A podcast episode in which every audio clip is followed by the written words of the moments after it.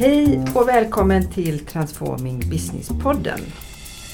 Det finns en gammal myt som säger att chefen för Patentverket 1898 till 1901, Charles Jewell, ska ha sagt att allt som går att uppfinna är nu uppfunnet. 1899 beviljade US Patent Office under Jewells ledning 25 527 patent. Och då ansåg man att det var ett högt tempo. Och om man tittar och jämför så 2018 så ansöktes om 3 miljoner patent och under 2020 ligger Sverige tvåa i världen räknat till antalet patent per capita. Sverige är nummer ett inom digital kommunikation och en viktig innovationsmotor för hela Europa. Det är lite coolt faktiskt. Men vad är det som avgör vilka företag som är och förblir framgångsrika? Och hur agerar de som ständigt innoverar för att lyckas? Detta och lite till ska vi prata om i dagens poddavsnitt och jag har därför bjudit in min affärskollega Thomas Hagbard från Realize. Varmt välkommen Thomas! Tack så jättemycket Jessica. Tänk att vi sitter inomhus i detta fina väder och poddar. Men så får man väl stå ut med. Så.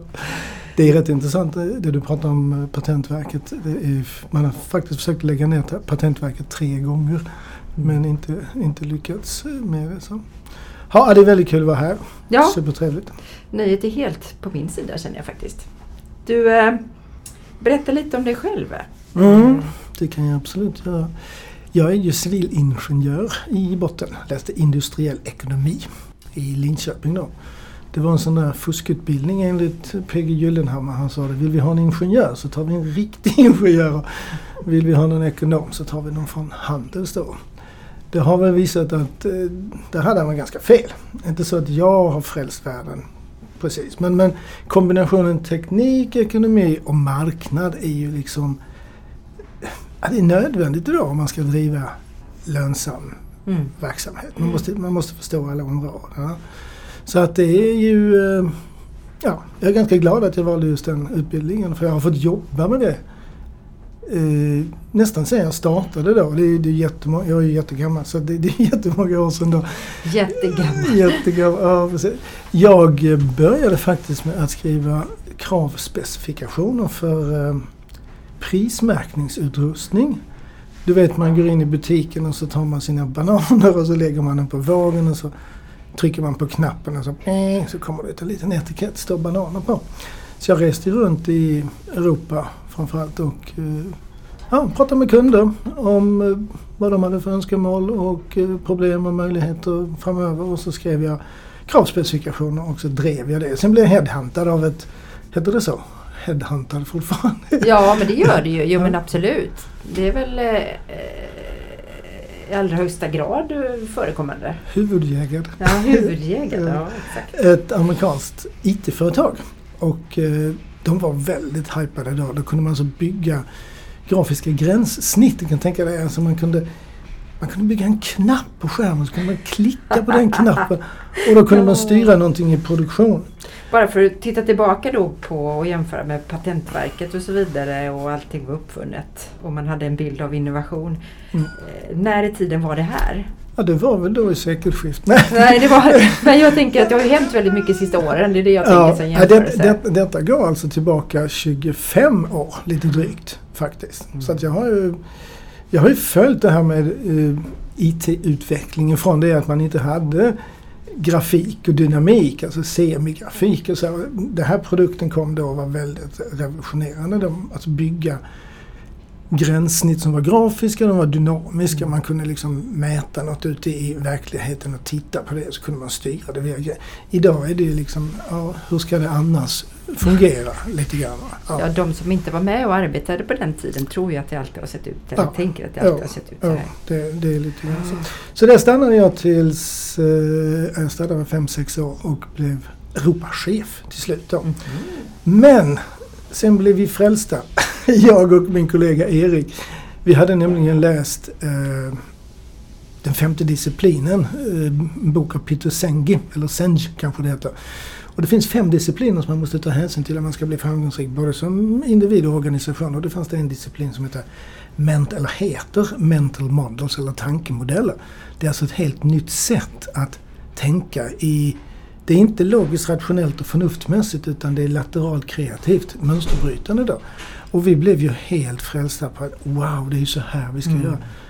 Och han var också anställd i amerikanska bolag. Så vi hoppade av liksom så här prestige, eh, jobb och bra lön och så, så, så, nu ska vi frälsa världen. Mm. Så det var väl... Eh, Modigt. Ja, dumdristigt kanske väl. Entreprenöriellt var det väl. Liksom. Ja, ja, jag tänkte säga det. Det ja. låter ju entreprenöriellt. Eller ni hade en, en högre vision eller någonting som drev er tänker jag. Det är ju att lämna en sån ja. Jo, det... befattning och, och tryggheten som den ekonomin ger. Jag, jag berättar väl inte hela storyn för hustru och barn. Vi har ju fem barn så jag hade rätt mycket försörjningsbörda också. Sådär. Men i alla fall, vi gav oss ut i världen, Erik, jag och uh, träffade framförallt stora bolag och så sa vi, du den här kära chef med att kunna saker, teoretisk kunskap och logik och rationalitet. Så det är ute. Nu är det nytänkande. Bryta mm. Och det var ingen som fattade vad vi snackade om i början så det var ganska tungt de första åren. Men vi fick eh, små order och så växte det. Och vi växte ju så vi, alltså vi var inte jättestora men vi var ju tio anställda och omsatte knappt 11 miljoner kring den här typen av. Och jag har ju fortsatt att jobba med kreativitet, alltså kreativa processer. Det är liksom ja, kärnan i allt jag gör. Även om man sen kan liksom applicera det inom innovation naturligtvis. Eller, eller affärsmodellering, förändringsledarskap. Framförallt strategiarbete sista mm. åren. Hur gör man när man vill skapa en ny och spännande strategi? Det börjar i huvudet på folk och sen måste man liksom ha en process för det. Och vi kallar ju eh, vårt koncept då för idépilot. Vi liksom piloterna som flyger iväg med människorna och idéerna. Ja, skrev inte du en bok? Ja, skrev en jo, jag skrev en bok förra året som heter Idépilot. Tack. Ja, ja. det är sagt ID Pilot har mm. jag tänkt. Men det kanske... Den finns även på engelska. Det är kanske den jag har läst. Mm, mm. Nej, inte, väldigt... Inte, inte boken, däremot konceptet. Ah, vi, vi har ah. ju byggt ganska mycket. Vi har ju brädspel till exempel, fysiska brädspel som heter Idéspelet och, under uh, paraplyt Idé pilot. Men idag eh, så delar jag ju min tid mellan ett nätverk med seniorkonsulter som heter Innovationsakademin. Mm. Och eh, jobbar ihop med företag som jag gillar och som jag vet ligger i framkant. Till exempel Brick. Åh, tack! Så var det sagt. ja, och jag får väl kontra med att den här boken, jag har ju läst den och jag tycker att den är en otroligt frisk fläck. Du har ju skrivit den på ett väldigt innovativt sätt. Inte bara att den handlar om spännande saker utan själva layouten är ju unik skulle jag vilja säga utifrån managementlitteratur. Den är lika tokig som jag. så kanske det. Men du, du säger Innovationsakademin. Mm. Eh, är det just innovation som då är eh, övergripande för det du jobbar med? Eller? Ja. Hur skulle du vilja beskriva innovation? Ja, ja precis. Jo men innovation är ett bra uh, övergripande begrepp tycker jag. Man kan, man kan ladda väldigt mycket under ja. innovationsbegreppet. Då. Sen finns det ju, alltså det, innovation för innovationens skull, det är ju ganska meningslöst. Vi vill ju skapa konkurrenskraft. Innovation tycker jag är sättet att skapa konkurrenskraft även imorgon. Att se till att företaget är lika konkurrenskraftigt eller ännu bättre imorgon mm. än vad man, vad man är idag. Och alltså konkurrenskraft kan ju betala väldigt, eller betyda ju väldigt mycket för olika organisationer. Och sista åren har vi jobbat en hel del med det offentliga och där är kanske konkurrenskraft inte rätt ord. Där brukar vi prata om relevans. Mm.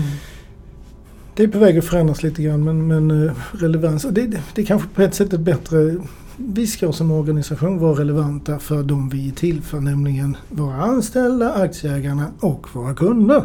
Mm. Så innovation kan ju mappas ner på väldigt många olika områden faktiskt. Jo, så är det ju. Men konkurrenskraft är ju ändå en av de viktigaste eh, parametrarna mm. Eh, att arbeta med och även om man är i offentlig sektor. Jag vet att vi har varit ute och föreläst en del och, Mm. och pratat om konkurrenskraft och, och mött lite frågetecken så. Men jag delar din bild av att det börjar komma och man börjar förstå. Eh, och det ser man ju nu också vad det gäller att innovera och, och digital transformation Mm. även i offentlig sektor. Ja, verkligen. verkligen. Ja, men du, eh, om vi då fokuserar på företagandet, för det är ändå Mm. kanske det som vi hittills eh, samarbetar mycket kring och pratar innovation. Hur ser det ut? Ja, hur ser det ut med innovationen?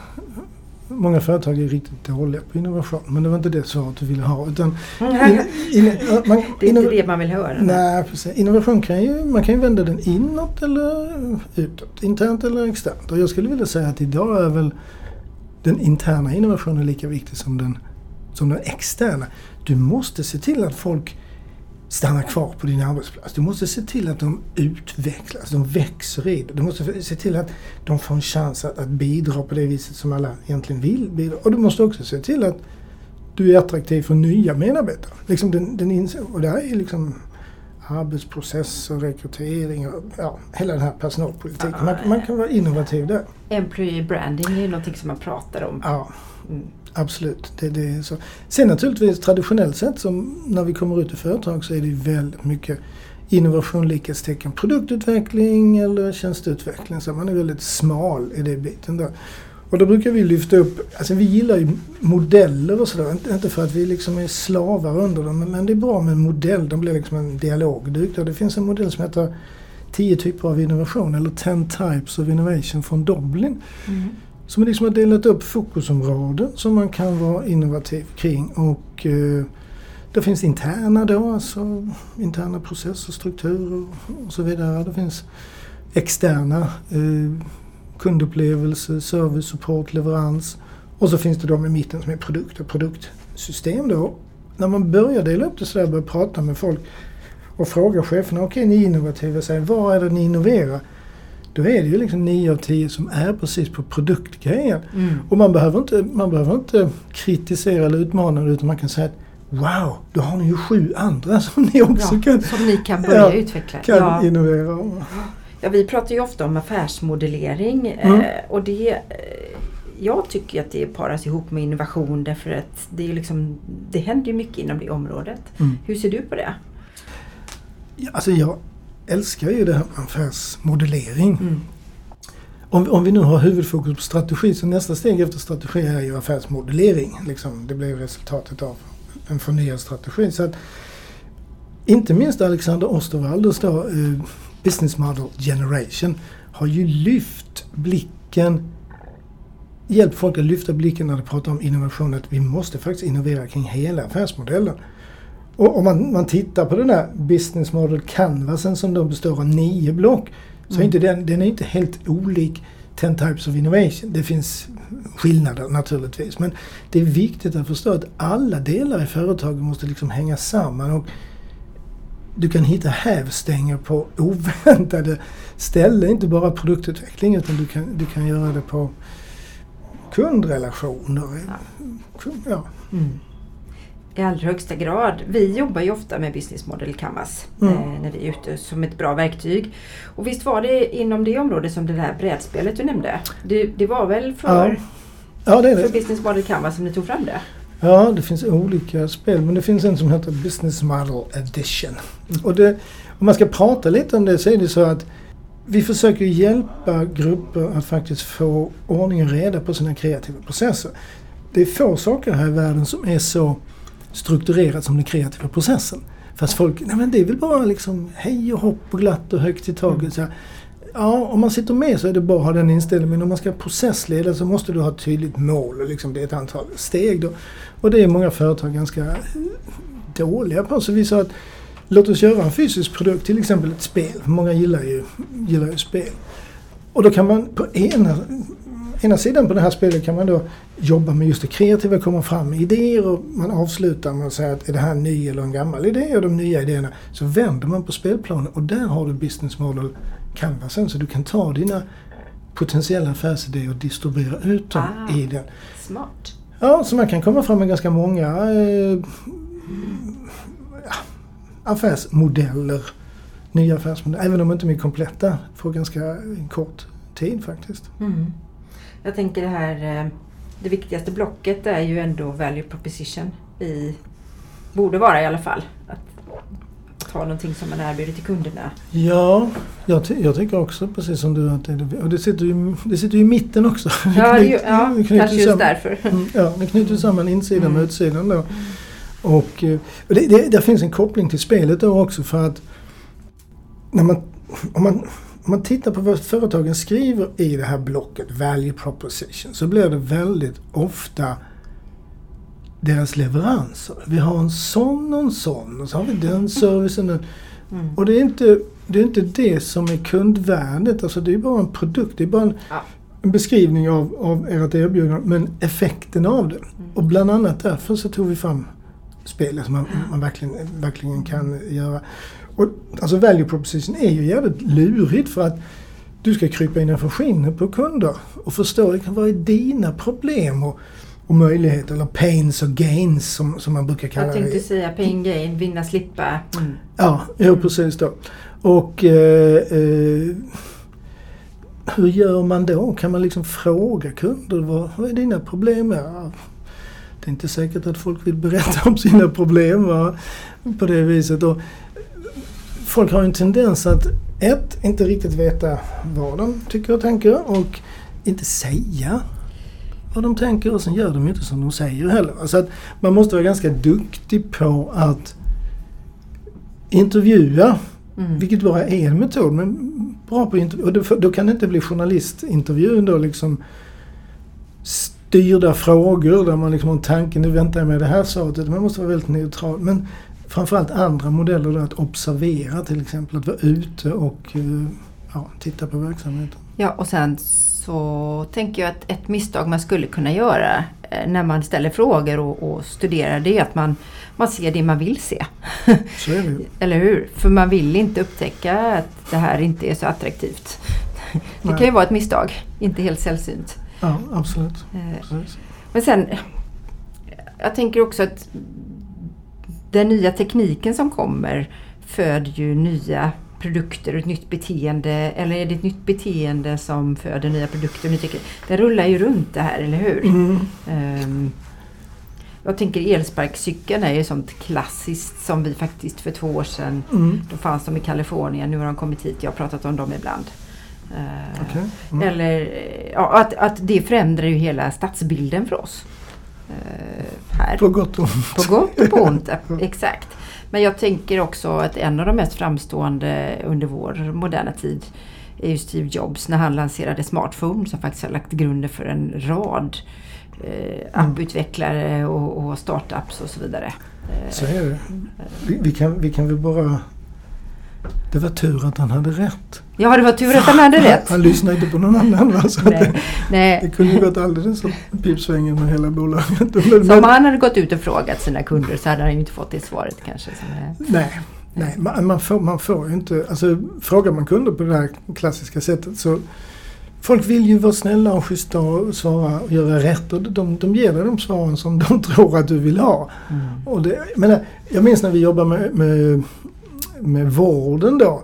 Och eh, så ska, liksom, vårdcentral eller en eh, mottagning på sjukhus. Så går, är man där och så pratar man med sjuksköterskan och säger om det, nu, om det nu händer det här och det här, hur gör ni då? Och då får du väldigt snabbt ett väldigt tydligt svar. 1, 2, 3, 4, 5, 6, 7. Jaha, okej, okay, det är så ni gör. Nej, det är så det står i manualen att du ska göra. Om du sen stannar och kollar så mm. gör de inte alls på det sättet. Utan de kan göra på ett helt annat sätt. För att det är det mer effektiva. Mm. Ja, men då har man inte uppdaterat Nej. De har inte jobbat enligt lean-princip eller ständiga förbättringar och förbättrat processer och rutiner. Skulle det där hända inom flygindustrin så hade det blivit helt katastrof. Om man inte följde manualen. Såklart. Så där jobbar man Såklart. hela tiden med att uppdatera så fort man upptäcker en avvikelse. Ja. Eller... Fast det där är också, det är också en värdering mm. då liksom vi tappar ett noshjul till en Viggen. Ja, det är ju inte bra. Men å andra, å andra sidan så är det ju inte bra fel, fel patient blir av med vänsterfot. Nej, lex Maria, nej men visst det är ju lika allvarligt. Visst, ja. så är det ju. Men jag, jag, jag, menar inte att man ska följa manualen. Så jag menar om att om man nu vill att organisationen ska utvecklas. Alla människor kan någonting som ingen annan kan. Så att man, måste, man måste hitta en struktur där sjuksköterskan ute på golvet har en kanal in med ja. sina tankar, erfarenheter. Inte för att allting hon säger, han hon säger ska bli genomfört. Men att man har med det i, i bruttolistan av vad man skulle kunna förändra. Ja, absolut. Om inte annat också för att skapa ett engagemang hos medarbetarna.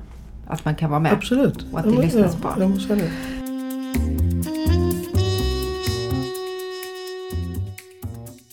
Vi samarbetar ju i lite olika case och, och, jag vet att du ibland har pratat om modellen Blue Ocean. Kan du inte berätta lite om den? Ja, den är också en sån här älsklingsmodell. Uh, ja. Chan du har några sådana på din, eh, i din, ja, på din palett? Ja, jo, men så är det. Uh, Chan, heter han? Chan Kim och René Marbourg var det som skrev den. Och den är, den är ganska gammal. Den är ju ja, vad är den, 15 år åtminstone kanske. 20? Ja, skitsamma. Men den heter Blue Ocean Strategy för det handlar om att det finns en blå ocean och en röd ocean. Och oceanen ska väl då symbolisera affärsvärlden då. Den röda oceanen den är röd för att där är konkurrensen knivskarp. Du fattar va? Ja, det är klart att du gör. Man vill... Tack! ja, jag vet inte. Jag, jag, det har hänt att jag berättat att liksom, nu ska vi över en blå ocean, den röda. Den är, den är ju röd för att den är knivskarp. Man står inför en grupp så här. Ja, ja men tänk lite själv. Ja, skitsamma. Den blå oceanen, där, eh, där är konkurrensen irrelevant. Man är den själv. Man har liksom hittat ett nytt kundvärde man levererar på. Man har hittat ett nytt sätt att leverera de här kundvärdena. Eller man har paketerat på en ny, ny affärsmodell. Där är man själv. Man är ensam där, så konkurrensen är irrelevant. Och så får man ju hoppas då att, att man inte är där ensam för man helt har missuppfattat eh, Nej, jag tänker säga pain, det. Pains och gains hos kunder. Mm, exakt. Det, är lite så. det ska ju finnas en attraktionskraft i det man gör. Mm. Så är det.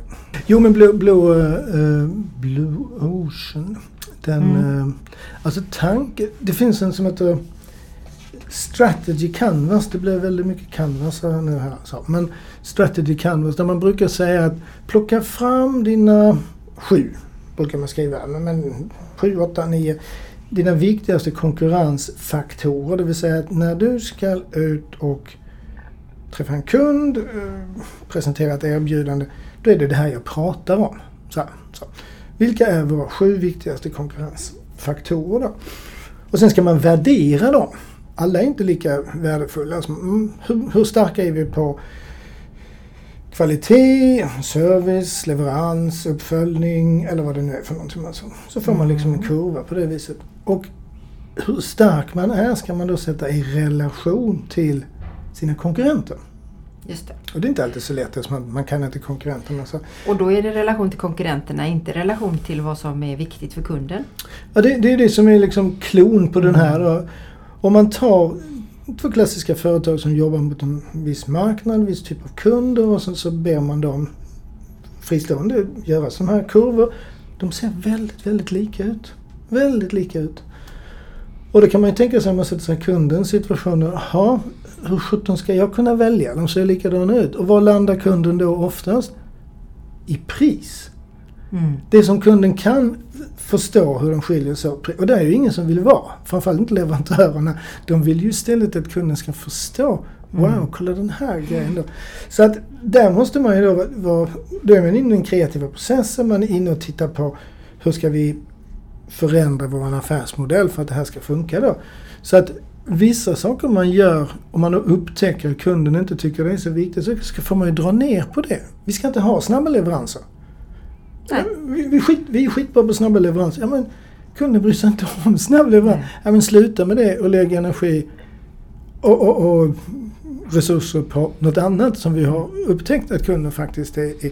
Och det här gör man inte en gång för alla för liksom preferenser förändras genom, över tiden. Då, så att, Ja, och det är ju bara under de premisserna att det är kontraproduktivt och vi säger att de snabba leveranser inte är det viktigaste men vi kan hålla snabba leveranser utan att det är på bekostnad av någonting som är viktigare. Så är det klart att man ska göra det. För då kan det bli en konkurrensfördel för vi har detta också. Absolut. Såklart. Absolut. Mm. Jo, men det, det, är så. Och det här, du säger konkurrensfördel och det är också en sån här intern käpphäst då.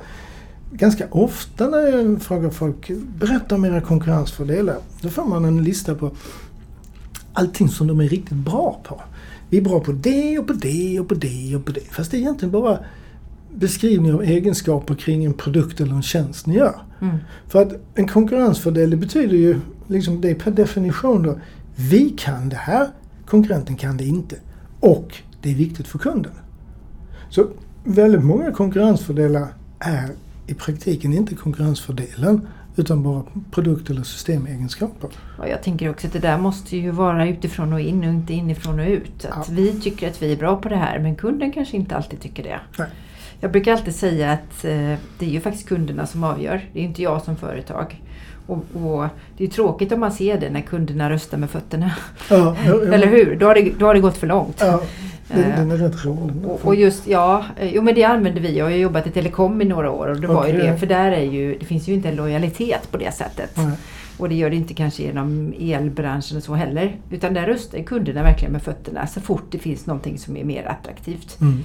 Eh, och nu pratar vi inte längre om hygiennivåer som täckning och sådär. Utan Nej, nu är det nej, helt precis. andra saker Mm. som spelar in.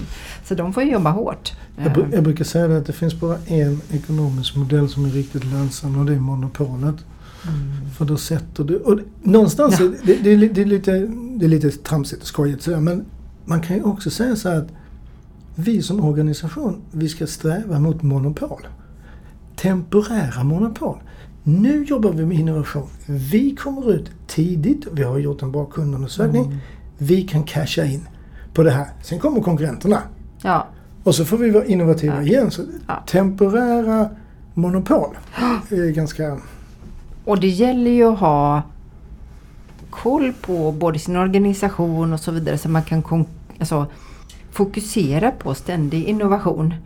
Och inte bara innovera fram en produkt och sen tro att nu är det klart. Utan det gäller ju att hela tiden fortsätta utveckla den produkten. Ja, man kan inte städa en gång för alla. Så är det Nej, så är det ju. dessvärre. Men du, eh, både den här Business Model Canvas och, och eh, Blue Ocean och även den här 10 Types of Innovation är ju bekanta modeller och arbetsprocesser. Mm, Eh, mm. för oss i alla fall. Eh, hur tycker du att den, eller de hänger samman med den här nya boken som har kommit, The Invincible Company? Mm. Och vilka, vad är mest relevant i den här boken? Den är ju ganska tjock. Eh, och, och de som redan är bekanta med Osterwalds böcker och har läst sedan tidigare. Hur, hur, det kommer många frågor på en gång här då. Mm. Hur förhåller sig den boken till eh, de tidigare böckerna i den Strategizer, Strategizer ska jag säga, serien? Strategizer. Ja, precis. Strategizer-serien. Jo men det, är väl, det var väl egentligen så du och jag började samtalet när jag sa Ja. att, Har du läst den nya boken The Invincible Company? Så nej det har jag inte gjort än. Så. Och så beställde jag den. Och så vi Direkt, den. Och ja. så sa vi skulle, vi skulle po- podda om det. Jo men alltså den 21 mars 2010 hade Eija Fjällajökull ett, ett av sina... Alltså, så, så började min föreläsning Ja, då och sen ja, så bla bla bla. bla, bla så. Den är Eh, fantastisk. Redan 2010 så kom ju Osterwald och gänget ut med sin första bok, Business Mm. Model Generation. Och sen finns, nu kommer fjärde boken då. Däremellan har man ju då Value Proposition för man upptäckte när man jobbar med Business Model Canvasen att det var lurigt att få fram kundvärdena så man behövde skriva en, en ny bok om det. Och den, tredje boken heter då Testing Business Ideas och den här fjärde heter The Invincible, det oövervinneliga eh, företaget. Då. Det är ju en ganska kaxig titel tycker jag. Minst sagt. Minst sagt. Det Mm. är, eh, ja. Men beta av dina frågor. De här modellerna, jag tycker faktiskt att de är ganska lika. Alltså de, det är Mm. varianter på samma tema. Det är lite olika terminologi men fokus är ju på att hitta det liksom det nya attraktiva. Och då måste man, och grundpelaren är, man måste utgå från kunden på ett eller annat sätt. Annars så hamnar man fel med sina, sina erbjudanden. Utifrån och in. Ja, The Invincible Company, den boken, den är väldigt naturlig. Man kan säga nästan att det är en sammanfattning av de tre tidigare böckerna, eller delar från de tre tidigare böckerna. Så har man jobbat med Business Model eh, Canvasen och känner till 10 Types of Innovation och, och Blue Ocean och sådär. så kommer man känna sig ganska bekväm i den här eh, nya boken, The Invincible Company. Den har några andra fokuspunkter som är, är eh, superviktiga. Jag skulle säga att temat genom den är att eh, du måste ha det här kan låta jättekonstigt. Du måste ha två olika, helt olika kulturer i en och samma organisation som måste samexistera. Alltså, mm. Två olika kulturer. Så här, jo, och det, det sista kapitlet i boken heter då Culture, Corporate Culture och. Det kapitlet börjar med att To build an invincible... Nu läser jag utan till, innan, innan, utan till, innan till, vad heter det? innan till va? Ja, ja. The, to build an invincible company you need to create, manage and harmonize two completely antagonistic cultures under one roof. Mm. Jaha, oh shit. Hur, Oj. Ja, hur går det till då egentligen? Då? Och då, då har, ja, nej men det är liksom, och då har man delat upp det i Explore, det vill säga utforska och skapa det mm. nya, vilket vi kan kalla för innovation. Och så har du exploit som då handlar om att maximera värde på något sätt av den befintliga verksamheten. Alltså vinna nya affärer, öka marknadsandelar, lönsamhet, hållbarhet och så vidare. Det var lite det jag sa med andra ord där. Jag sa att du, du måste hela tiden ha en kultur. Nu har vi innoverat. Men det räcker inte. Du måste hela tiden fortsätta. Ja. ja. ja. Och det, det, är ju som sagt var, alltså, det är olika saker som är olika viktiga. Mm. När du jobbar med Explore och när du jobbar med Exploit. Och alltså, när man Explore, där, där har man inget mål. Där liksom, man har möjligtvis en vision och man testar och testar igen och testar en gång till. Och man utforskar, man tar risker, man måste vara modig, uthållig. Kreativitet är ju typiskt en bra, bra grej där. Så det belönar vi på den sidan då. På exploit-sidan så är det ju verkligen precis tvärtom. Då har vi liksom nu riggar vi upp hela organisationen som ska gå ut och dra in en massa kulor på den här nya, nya mm. grejen vi har. Och där är det liksom plan your work och worker plan och det är on time och on budget och räkna rätt, eh, rätt från, från start och räkna mm. på det. Så här. Och det är klart att skulle man vara en och samma person som skulle ansvara för båda det måste man vara riktigt superperson eller så blir det kaos i huvudet. Ja, de flesta personer är väl antingen den kreativa uppstartaren eller den som mer förvaltar och utvecklar.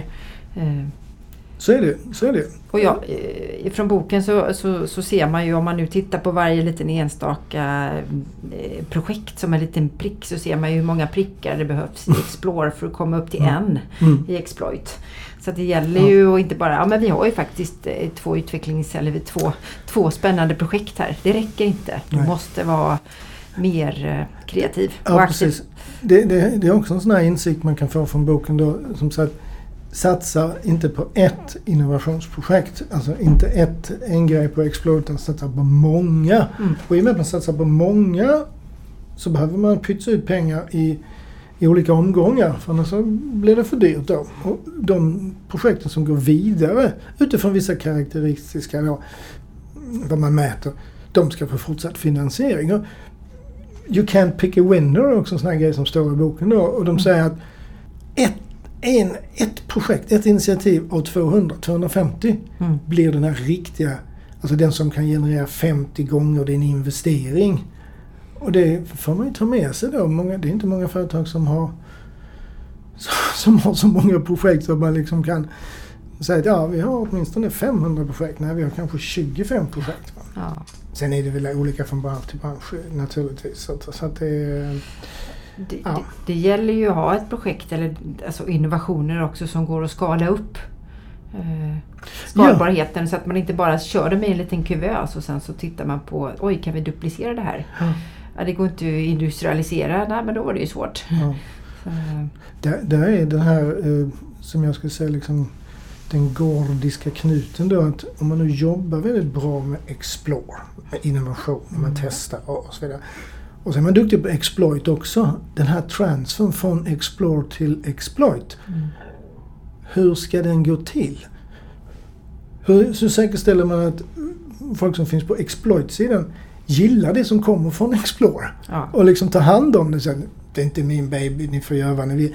Alltså man måste se till att de här är kommunicerande kärl på ett mm. eller annat sätt. Kanske till och med så att det är chefer på exploit-sidan som är uppdragsgivare åt Explore-verksamheten. Mm. Så att det finns en mottagare då.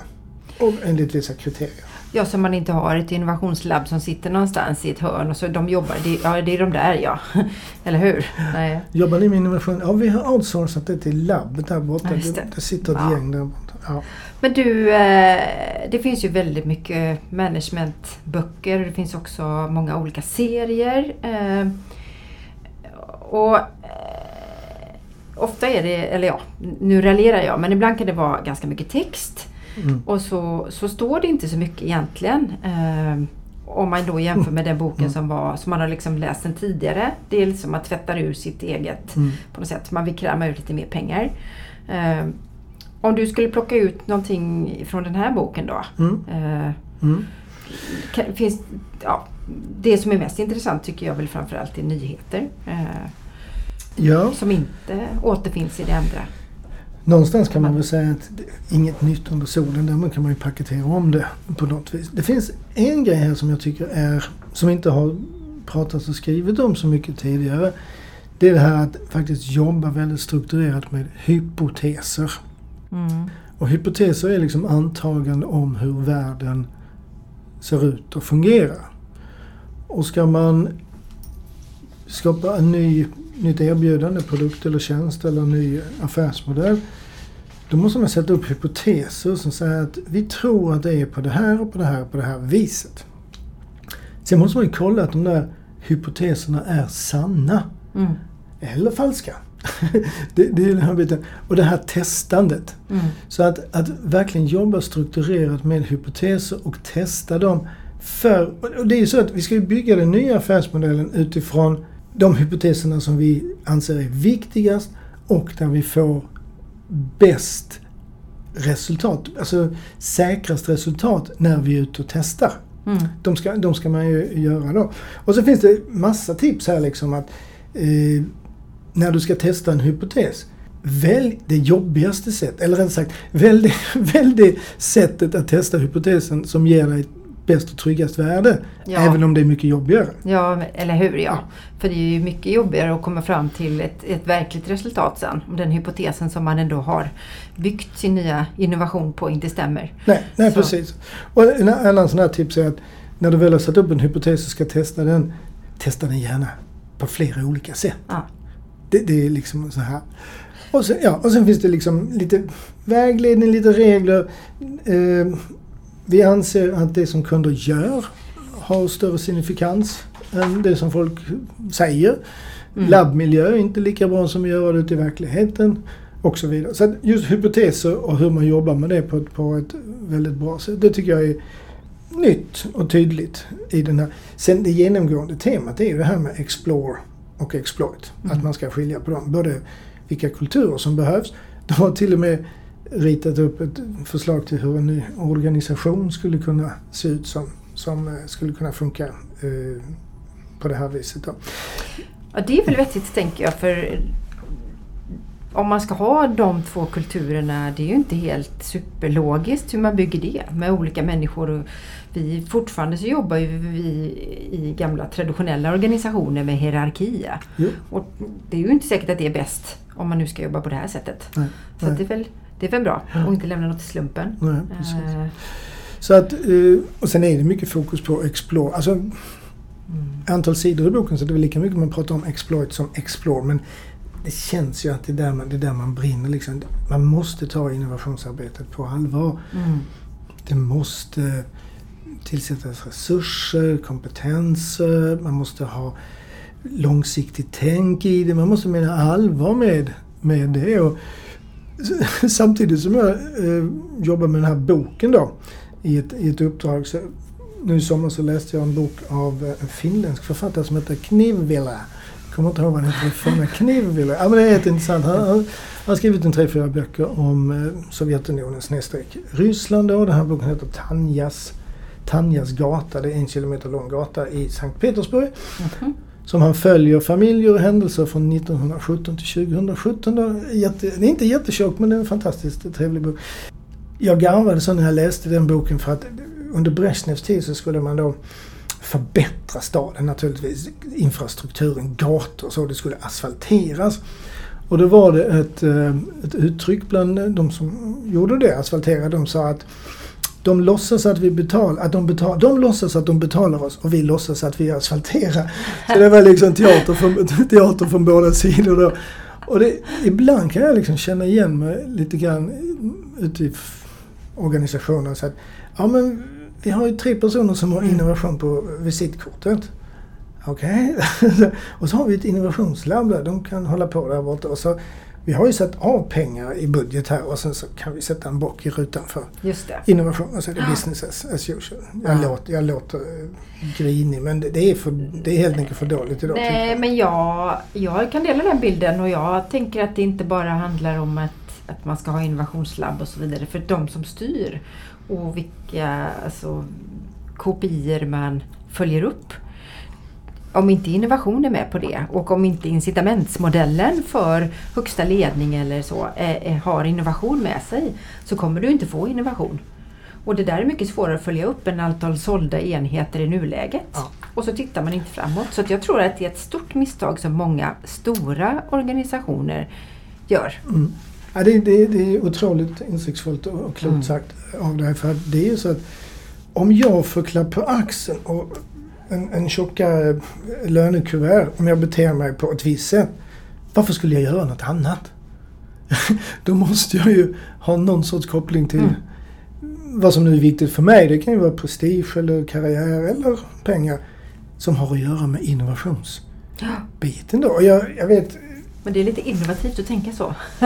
ja, jo, men det är det. Är det, är det. Och eh, jag vet eh, vi har ju hållit på i 23 år någonting i Realize som jag kommer ihåg för, vad kan det vara, 10 år sedan och sånt där. Då hade vi någon exempel vi, vi plockade fram då. Det var japanska företag som var väldigt tidiga ute i hur de skulle eh, belöna sina medarbetare. Då. Och då var det faktiskt på, från viss nivå, chefsnivå och uppåt, så fick du inte full lön om du inte hade gjort åtminstone tre ärliga misstag under året. Mm.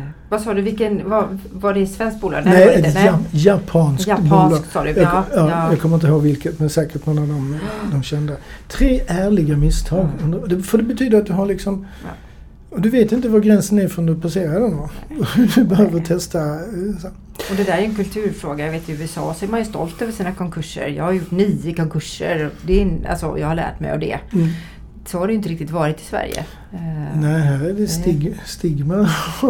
det är till och med, alltså vi behöver bara åka till Danmark. Ja. Så en helt annan förhållningssätt där. Jag menar, i Danmark så, ja, jag har, jag har inte något arbete nu men jag, jag, jag har, näst, nästa år har jag säkert ett arbete. Alltså det är, det är inte så dramatiskt. Du är grym på danska. Ja, jag sliger några problem i Köpenhamn. jo, men alltså där är det inte så dramatiskt att man blir av med sitt arbete för att man har en man har en lagstiftning kring arbetsmarknaden mm. som gör att jag, jag får ett nytt jobb kanske om några veckor igen. Ja. Och, så, och jag tror att man måste, vi ska inte prata arbetsmarknad, men man måste avdramatisera det. Man måste mm. också avdramatisera innovation. Innovation är inte jättestort och jättesvårt utan alla kan bidra på något sätt. Eh, där. Och mm. lära av andra, det skulle väl liksom vara en ytterligare insikt i boken då. Man kan lära av andra, höra och häpna, både deras misstag och framgångar. Och där har man faktiskt tagit den här business model canvasen, de nio olika blocken och så har man faktiskt identifierat 27, alltså tre per block i, i snitt då, 27 olika business patterns, alltså affärsmodellmönster. Och det är ganska intressant för du kan gå in och så kan du säga att okay, vi ska titta på kundrelationer och så, så hittar man tre företag där som representerar de här tre mönstren. Och så, man kan både bli inspirerad och liksom få vägledning av de här eh, mönstren då. Mm. Och eh, ja, jag, jag, tycker den är ganska, ganska bra den, den delen där för de beskriver de beskriver företagen var de stod och var de kom och vägen dit då. Så man kan hitta sitt mönster så att säga.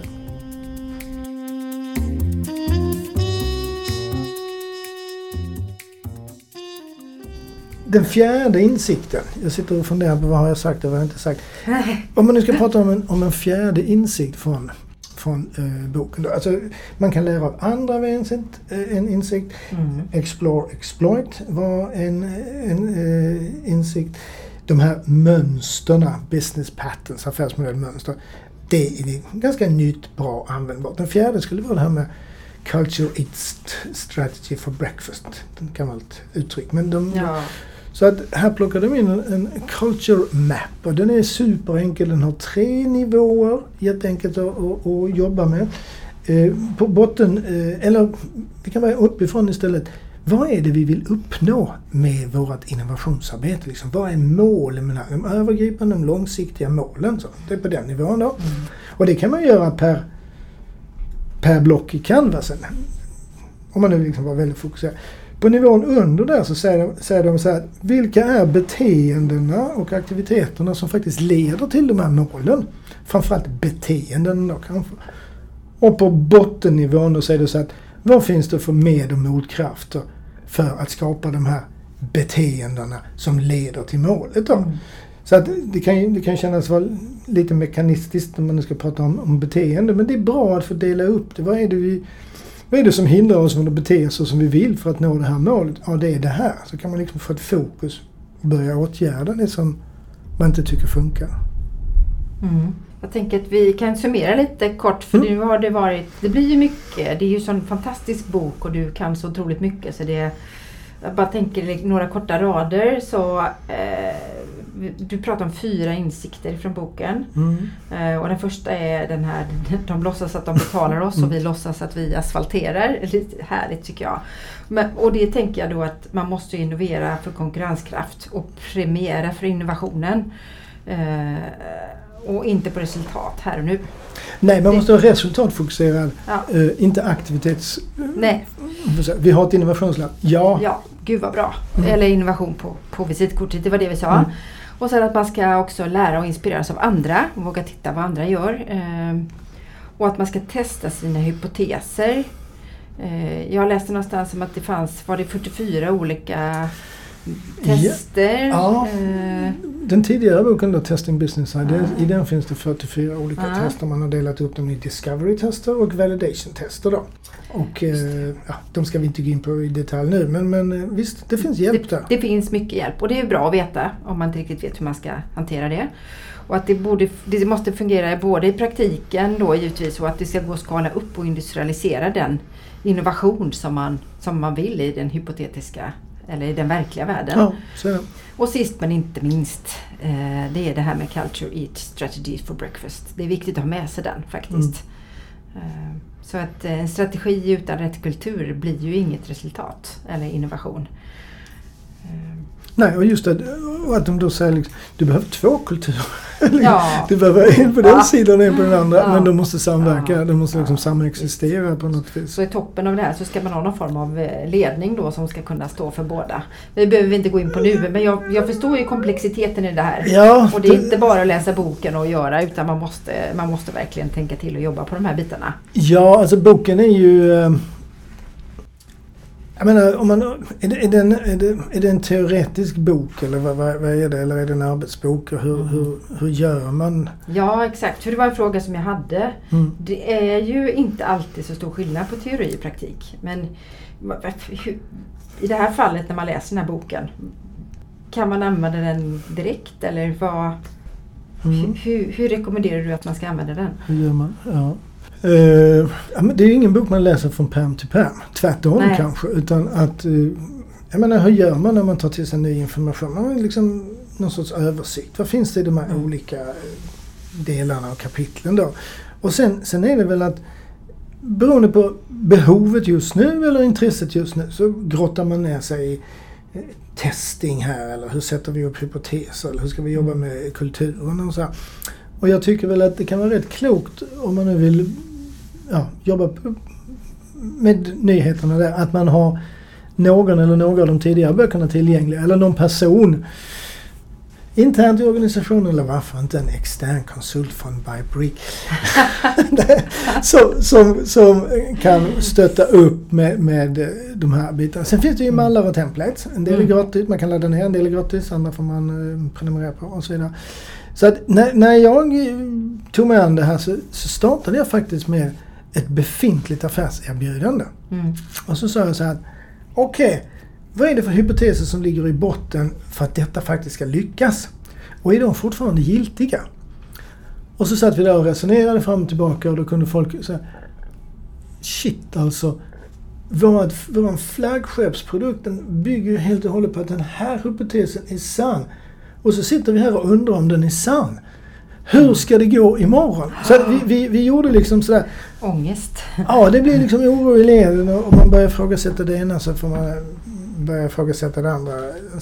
Men, men börja med någonting som du känner dig trygg med. Här har vi faktiskt en fungerande verksamhet. Varför fungerar den? Det här är hypoteserna. Och sen så får man säga shit, kommer de, hjälp, kommer de vara giltiga imorgon också? Mm.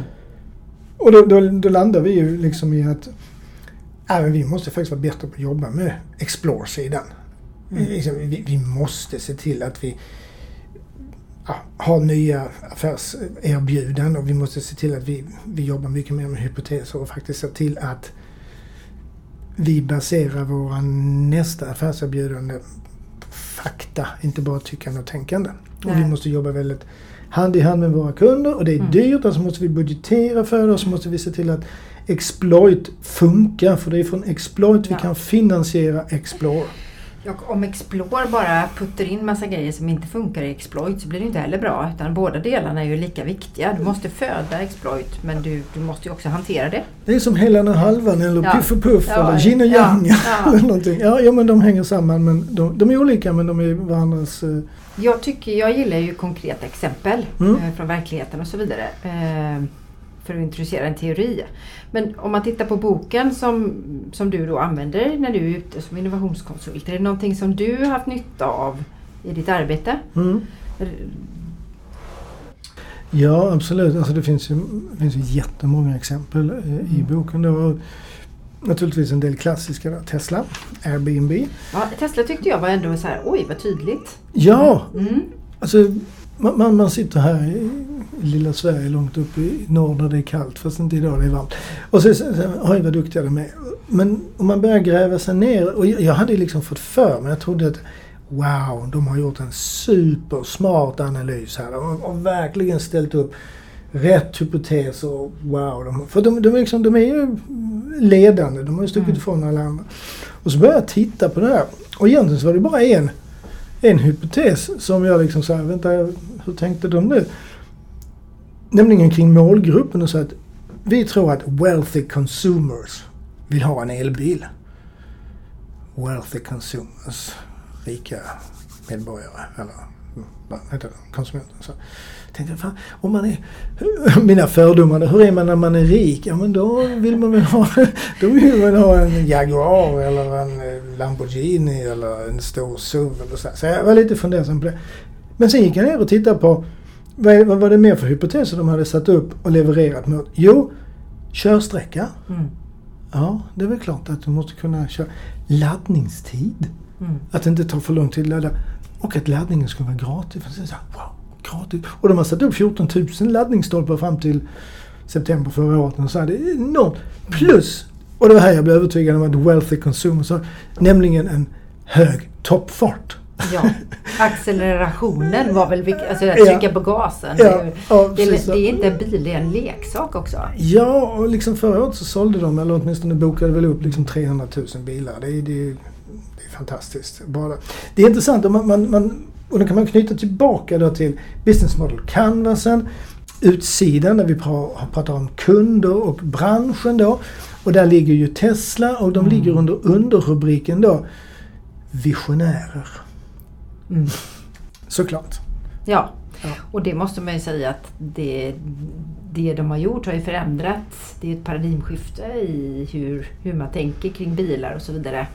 Så att, eh, någonstans har man ju då när man har innoverat på det här faktiskt gått i bräschen eller liksom ja. skapat en helt ny era inom bilindustrin. Men du, eh, för att runda vidare här. Ja. Eh, finns det något i boken som du tycker saknas? Eller några brister i boken? Som... Ja, alla böcker har ju brister naturligtvis. Eftersom, ja, men jag menar du har ju sån otrolig erfarenhet sen så tidigare. ja, från, det var för så gammal.